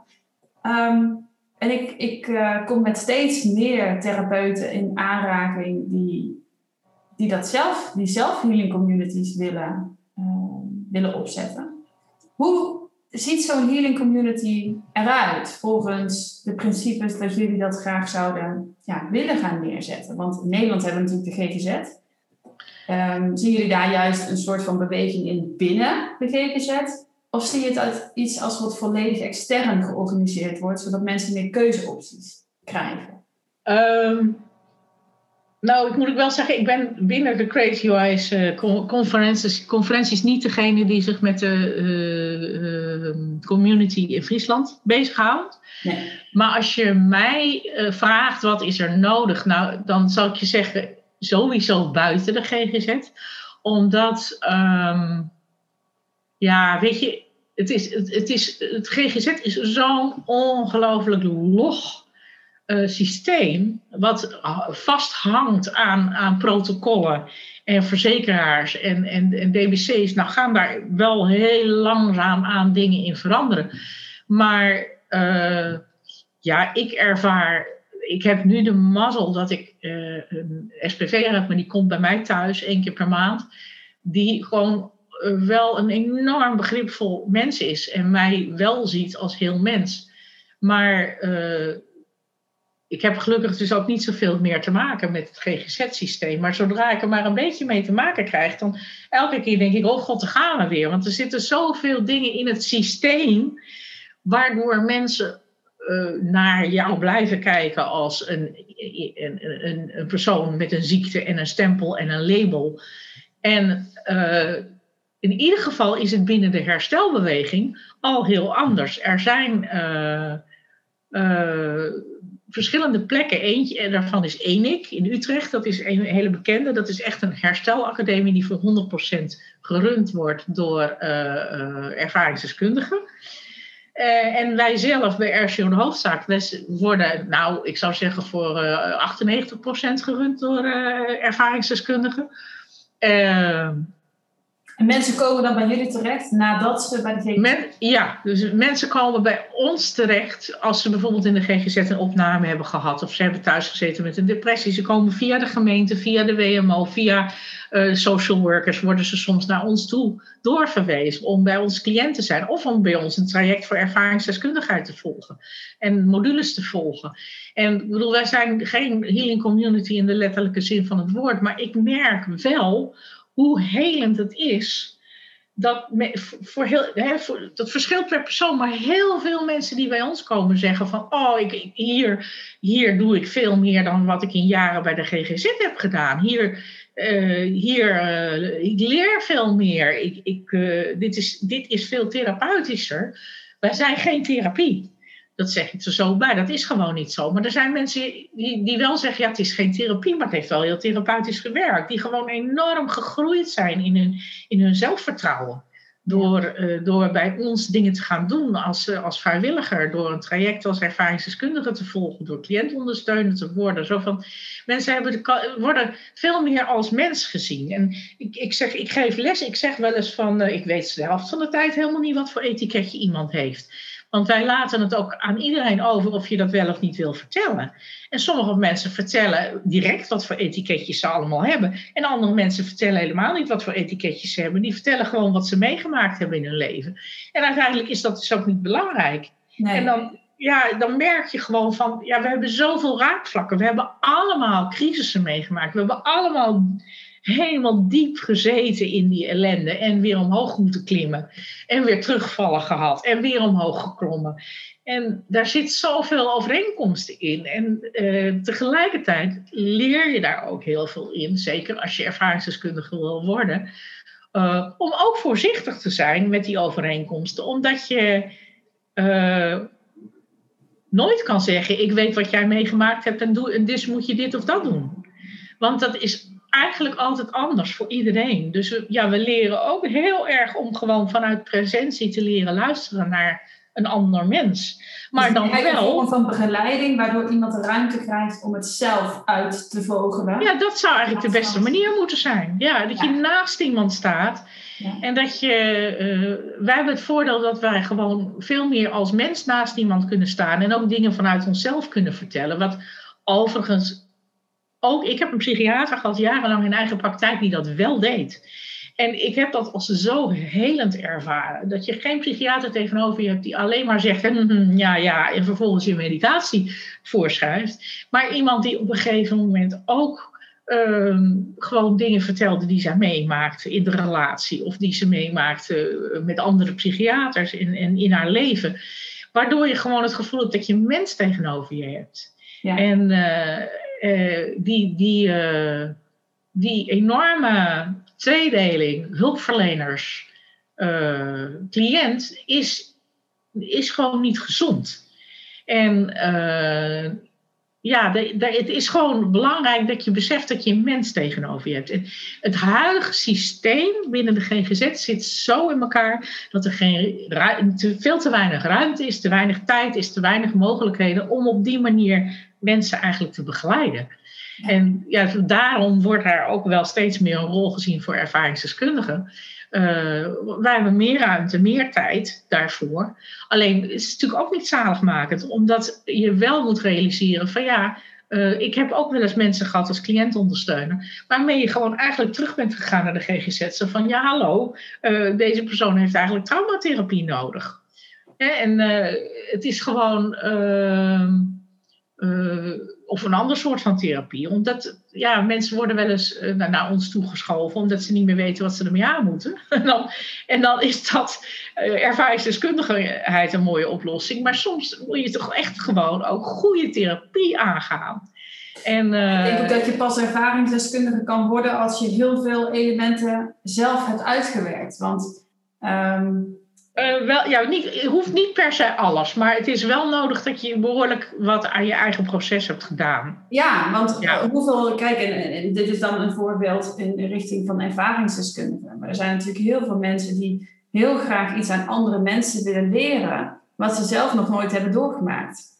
Ja, dat is dus echt een enorme valkuil waar je, waar je voor uit moet kijken. En dat vind ik ook heel erg zonde uh, voor ervaringsdeskundigheid, omdat mensen daardoor soms een negatief beeld krijgen van ervaringsdeskundigen. Maar dat is, moet ik zeggen, soms ook aan de GGZ zelf te danken. Als de GGZ mensen aanneemt die, die uh, twee episodes door hebben gemaakt en nog heel jong zijn, en dan hoppakee aannemen omdat ze leuk in het team passen eh, dan, dan ben je niet goed bezig. Want, want het is echt wel belangrijk dat je een, een proces doorloopt als ervaringsdeskundige. Dat je echt aan de slag bent gegaan met je eigen proces. Ja, en ja en inderdaad. Want dat, dat vergt natuurlijk ook, wat je zelf ook zegt. Als jij het eigen proces bent aangegaan...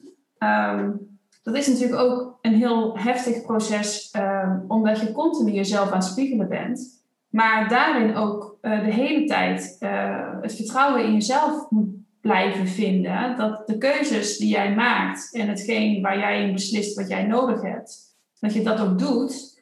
Dat is natuurlijk al een heel proces. Want laten we wel wezen, uh, geestesziektes of psychoses worden toch heel vaak gekenmerkt in de maatschappij als mensen zijn gek geworden, of zijn doorgedraaid, of zijn in de war. Ja. Um, en, en dat negatieve beeld, dat kan natuurlijk echt op iemand in iemand gaan zitten die, die zoiets heeft doorgemaakt van heel de wereld vindt mij gek en dat iemand juist alleen nog maar meer in zijn schulp is gaan kruipen.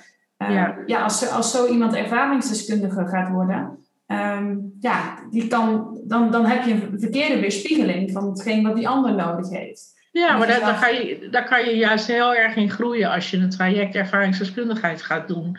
Omdat je daar heel erg te horen krijgt, ja, je bent niet gek dus dat is gewoon uh, een stigma. Ja. Dat inderdaad vanuit de samenleving op je wordt geplakt. En als je niet uitkijkt, dan, dan trek je je dat stigma zelf aan. Ja. En uh, dat is heel, Wat heel zonde is natuurlijk. Hè? Ja, dat is zonde. Dat is doodzonde. En dat is ook heel belemmerend ja. voor je eigen proces. En uh, dat is. Uh, um, ja, nee, dat, dat is echt. Ik, ik ben er zelf redelijk. Um, ja, wat ik zeg, ik, ben altijd een beetje, ik heb altijd een beetje op twee benen gehinkt. Doordat ik dus dat concept spirituele crisis ook mezelf voorhield. Van ik zit ook in een spiritueel proces. Dus jullie kunnen allemaal wat. Ik, ben, ik volg dat proces. Ja. En, uh, uh, maar ik zie heel veel mensen die daar wel mee worstelen met dat stigma. Ja, ik, ik ben gek. En uh, nou ja, wat ik al eerder zei, uh, nou ja, soms heb je ook de pech. Ik heb best het geluk gehad dat ik hele lieve vrienden om me heen had. En dat ook mijn familie er niet zo dacht op die manier. Uh, nou, er zijn natuurlijk heel veel mensen die spiritualiteit of, of alternatieve vorm van heling afwijzen, omdat het niet wetenschappelijk medisch onderbouwd is. Maar ja. Um, er wordt daar natuurlijk een soort van veiligheid uh, uh, ja, gezien, omdat daar dokters zitten en, en, en mensen die psychiatrisch zijn opgeleid en medicatie kunnen voorschrijven, als een soort van beeld van dat, dat zijn de enige mensen die voor genezing kunnen zorgen. Um, Terwijl in werkelijkheid, als je echt gaat kijken naar hoe dat systeem in elkaar zit, dan lopen juist die mensen heel erg vast in ons zorgsysteem, omdat ze alleen maar dat nu kunnen doen en juist veel meer willen doen om heling en genezing voor elkaar te krijgen. Ja, ehm, ja. En als je natuurlijk in je eigen omgeving de ruimte krijgt om ook dat deel te mogen uh, onderzoeken, Ja, precies. Ik denk dat spiritualiteit gewoon, dat, dat zie je ook in die film Crazy Wise, is gewoon eigenlijk een natuurlijk onderdeel van het leven. En ik denk dat iedereen de kans moet krijgen om dat zelf uh, uit te zoeken van wat past bij mij. Bij mij is dat ook een hele lange weg geweest. Van, ik ben atheïstisch opgegroeid en werd vervolgens keihard geconfronteerd met heel veel spirituele verschijnselen, ook met een bepaalde helder voelendheid, helder wetendheid zou je het misschien kunnen noemen, waar ik mee te maken kreeg. Uh, wat ik gewoon moest integreren in mijn leven. En wat ik al vertelde over India. In India was ik doodbang voor, dat, dat element. En uh, voor mij was een deel van het proces is dat ik moest leren om er minder bang voor te zijn. Dat ik contact kon hebben met overledenen, dat dat gewoon binnenkwam. Dat ik soms entiteiten ervoer. Dat ik ook geleerd heb om die entiteiten wel weer naar het licht te sturen, zodat ik er ook niet al te veel last van had. Uh, maar dat die, wereld er gewoon bestaat. Die wereld bestaat gewoon en ik ervoer daar dingen van. Ik kreeg daar dingen van door om daar niet meer bang voor te zijn. En uh, nou ja, wat ik zei, van dat boeddhisme nam ik afscheid omdat ik te, te weinig ruimte voelde om, om mijn boosheid te kunnen onderzoeken. En voor mij kwam ik uiteindelijk meer uit bij, nou noem het maar de natuurreligies. Zonder dat ik mezelf heks of shamaan zou willen noemen. Want dan, ja, ik, daar voel ik me ook niet bij thuis. Om dan echt. Uh, ik, ik, doe niet aan, aan, aan, ik ga niet bij volle maan uh, dansen in, in een koven of wat dan ook. Uh, dat, dat is een beetje het beeld, vind ik altijd, wat geschetst wordt van. Van ehm, als je aan. En wat, wat in deze podcast. ja, we hebben natuurlijk ook heel veel luisteraars die medisch opgeleid zijn. En heel vaak wordt het label spiritualiteit, wat je zelf zegt, dans onder de volle maan. Het wordt een beetje ja. scherend over gedaan in de media. Terwijl, als we gewoon in de basis gaan kijken, we zijn spirituele wezens. Uh, een energetisch lichaam en een lichaam van vlees en bloed. En hebben nou eenmaal gewoon een bepaalde mate van gevoeligheid. En de ene heeft wat meer ontwikkeld dan de ander. Um, maar laat dat zo zijn. Alleen daar is gewoon weinig ruimte voor. En, en ja. dat heeft ook nog te maken met misschien bepaalde vormen van religies. Of mensen hebben op een of andere manier het als een soort van prettig leren ervaren wanneer er een, een label is voor hen. Um, terwijl volgens mij is onderdeel van um, nou ja, he heling en genezing uh, in je eigen proces dat je gewoon bent wie je bent, zonder label. Ja. Ja, precies. En dat is ook, uiteindelijk is dat ook, zeker als je het dan hebt over psychose, heel erg aan de persoon zelf. Uh, weet je, ik heb ook, ook uh, mensen gekend die zich een tijd lang thuis hebben gevoeld bij de katholieke kerk. Ja, dat is helemaal prima dat daar een bepaalde gemeenschap in hebben gevonden. Uh, er zijn meerdere mensen die dat daarin vinden.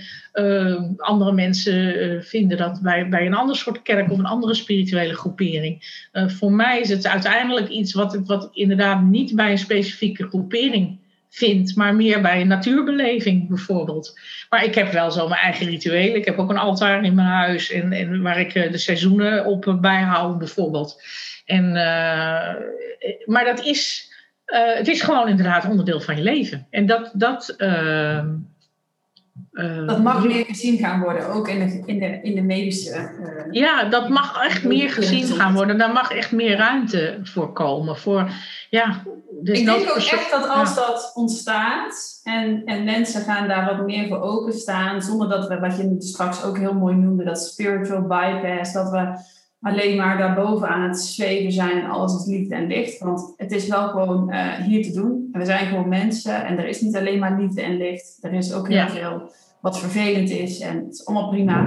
Um, Maar zodra er ruimte ontstaat vanuit de reguliere gezondheidszorg om ook eens uh, te kijken naar meerdere mogelijkheden dan enkel wat de farmaceutische industrie heel belangrijk vindt, dan denk ik dat we echt wel aan, aan, aan een soort van voetstuk staan van herontwikkeling van onze gezondheidszorg. En, en het is niet voor niks dat heel de westerse wereld gewoon compleet vastloopt op mentaal niveau. Ja. En dat is ook een beetje uh, de voorspelling die, uh, die gaande is, dat in 2035, ik weet niet hoeveel procent, uh, mentale ziektes hebben ontwikkeld. En, en eerst was het allemaal gekoppeld aan voeding. En dadelijk dan gaan we echt, eh, het aantal burn-outs in de, in de gezondheidszorg is bijna ontelbaar geworden. Volgens mij één op de vijf artsen um, ja, eh, kan met burn-out klachten. Ja, ja. Ja, ook burn-out uh, wordt gezien als een spirituele crisis waarin je toch terug gaat onderzoeken naar wat jij als mens nodig hebt ehm, ja, om te floreren. En ik denk dat we daar allemaal een beetje in vast zijn gelopen in al die systemen waar we aan moeten, en allerlei dingen waar we aan moeten gaan voldoen. Um, daarom vind ik het ook wel heel mooi, ehm, die Crazy Wise conferentie, conferentie dat, dat, dat daar die ruimte ook geboden wordt. Want daar zitten allerlei mensen vanuit verschillende hoeken, therapeuten, die, die juist die kant ook willen zien, maar ook mensen, ervaringsdeskundigen, maar ook psychiaters. En, en ehm, ik heb ook twee dames, wat ik eerder zei, gesproken, die al twintig jaar in de GGZ zaten. En die zeiden, we weten gewoon niet hoe, je, hoe we de weg moeten kunnen komen. We weten het gewoon niet. Ja. We, we, vinden het heel eng om de wetenschap los te laten. We durven niet ons eigen pad te kiezen. En dat vind ik dan wel, uh, als je dat ziet, dan denk je, ja, er is zoveel meer mogelijk. En dat, door daarover te spreken, um, ja, open je denk ik ook een, ja. een beeld uh, naar de wereld toe, dat er meer mogelijk is. Maar wat we al die jaren hebben gezien en geleerd. Ja, nou ja, wat jij, een van de, een van de hele mooie complimenten die wij kregen na, uh, na onze conferentie, was dat iemand zei: Hier is iedereen authentiek. Hier is iedereen zichzelf. En um, ja, ik heb ook heel wat conferenties afgelopen in de loop der jaren om mezelf uh, te onderwijzen in uh, wat gebeurt er allemaal op het gebied van de geestelijke gezondheidszorg. En het is inderdaad een feit dat gewoon de meeste conferenties praat iedereen vanuit zijn hoofd. Iedereen praat vanuit theorie, vanuit zijn hoofd. Alsof we allemaal weer in een klaslokaal zitten. En vanuit dat hoofd wordt er allerlei informatie over je uitgestort. En dat is inderdaad wat we bij Crazy Wise proberen te vermijden. Mensen praten vanuit hun eigen gevoel, vanuit hun hart, vanuit hun eigen ervaring. En dan uh, neem je uh, je hele mens zijn mee. En, dat is, komt het ook binnen. Ik heb... Dan komt het binnen en dan, heeft het, ja, en dan heeft het ook, net wat ik zei over mijn psychiater. Op het moment dat iemand mens is en vanuit zijn, zijn hart dat doet. Hè, en daarom heb ik ook zoveel meer aan het alternatieve circuit gehad. Omdat er in het reguliere circuit te veel vanuit protocollen wordt gewerkt. En dan wordt er te veel vanuit het hoofd gewerkt. En daar kon ik echt op een gegeven moment, ik kon erop steeds slechter tegen. Ik kon daar echt niet meer tegen. Van ik, je moet iemand tegenover je hebben waarvan je voelt, het is een mens, die zit hier met hart en ziel om mij verder te helpen. En niet vanuit een protocol en een richtlijn uh, nee, iets over mij uit te storten. En dat is gewoon, ik denk dat uiteindelijk niet alleen cliënten, maar ook hulpverleners daar stuk op gaan lopen. Op al die richtlijnen, protocollen en, en, en waar ze in moeten passen. En, uh... ja, dat is ook wel de, eh, de, de, ja, de feedback of het commentaar wat je hoort vanuit de, de reguliere gezondheidszorg, inderdaad. Dus dat ze daarop vastlopen. Um, maar dat is ook, misschien is dat wel ook iets om een keer apart in een andere podcast te bespreken. Maar het is natuurlijk een best apart verschijnsel dat we hebben protocollen en daar mag je gewoon van afwijken wanneer jij dat op een goed onderbouwde manier doet. Want er wordt uitgegaan van jouw expertise.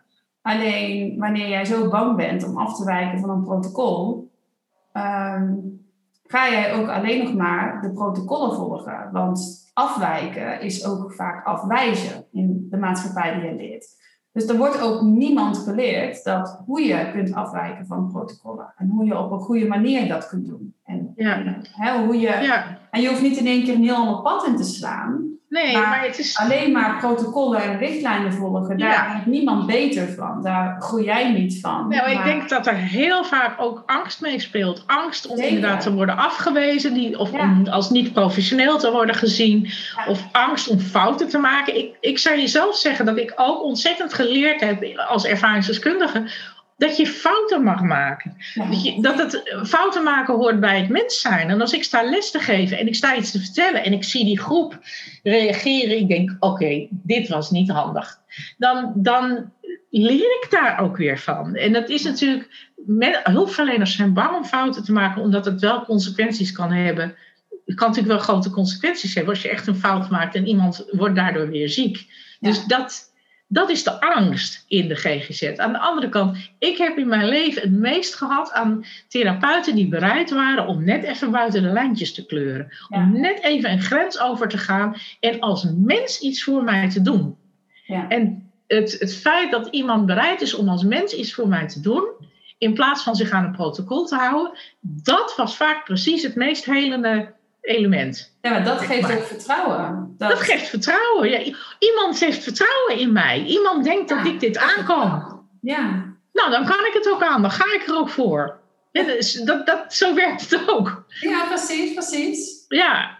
Nou, volgens mij kunnen wij hier nog uren over doorpraten. Ja, ik vind dit echt, ja, ik vind het een heel ehm, ja, bijzonder onderwerp, maar vooral ook, ja, ik, ik vind de mens op zich en, en heel hun, een hele werking van het brein en, en hoe we zijn, hoe we kunnen ontwikkelen, vind ik altijd een heel interessant onderwerp. Dus vooral ook om hier een stukje te belichten dat je naar meer een, een, een, heel principe mag kijken van de mensheid. En niet alleen maar naar de ziekte die iemand dan wellicht opgeplakt heeft gekregen.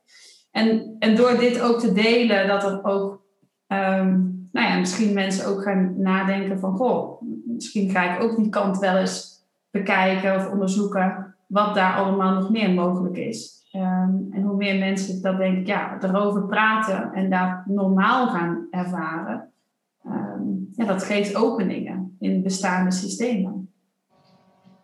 Ik, ehm, ik denk dat het ook een mooie afsluiting is voor de podcast, want we hebben ontzettend veel informatie gedeeld, ook over jouw persoonlijke ervaring en ook hoe je dat ja, hebt gezien binnen bepaalde instellingen. En hoe jij dat hebt doorgewerkt en wat je nu dus eigenlijk doet voor de hele uh, ja, community, dus ook voor de GGZ.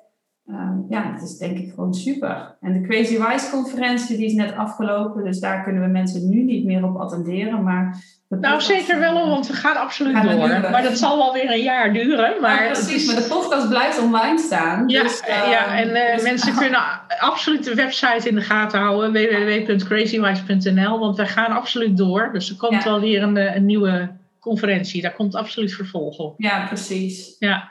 Ik wil je heel erg bedanken voor je tijd en voor je openhartigheid ook. Want uh, je hebt ontzettend veel privézaken ook gedeeld over jouw uh, proces en over jouw heling en wat je allemaal hebt meegemaakt.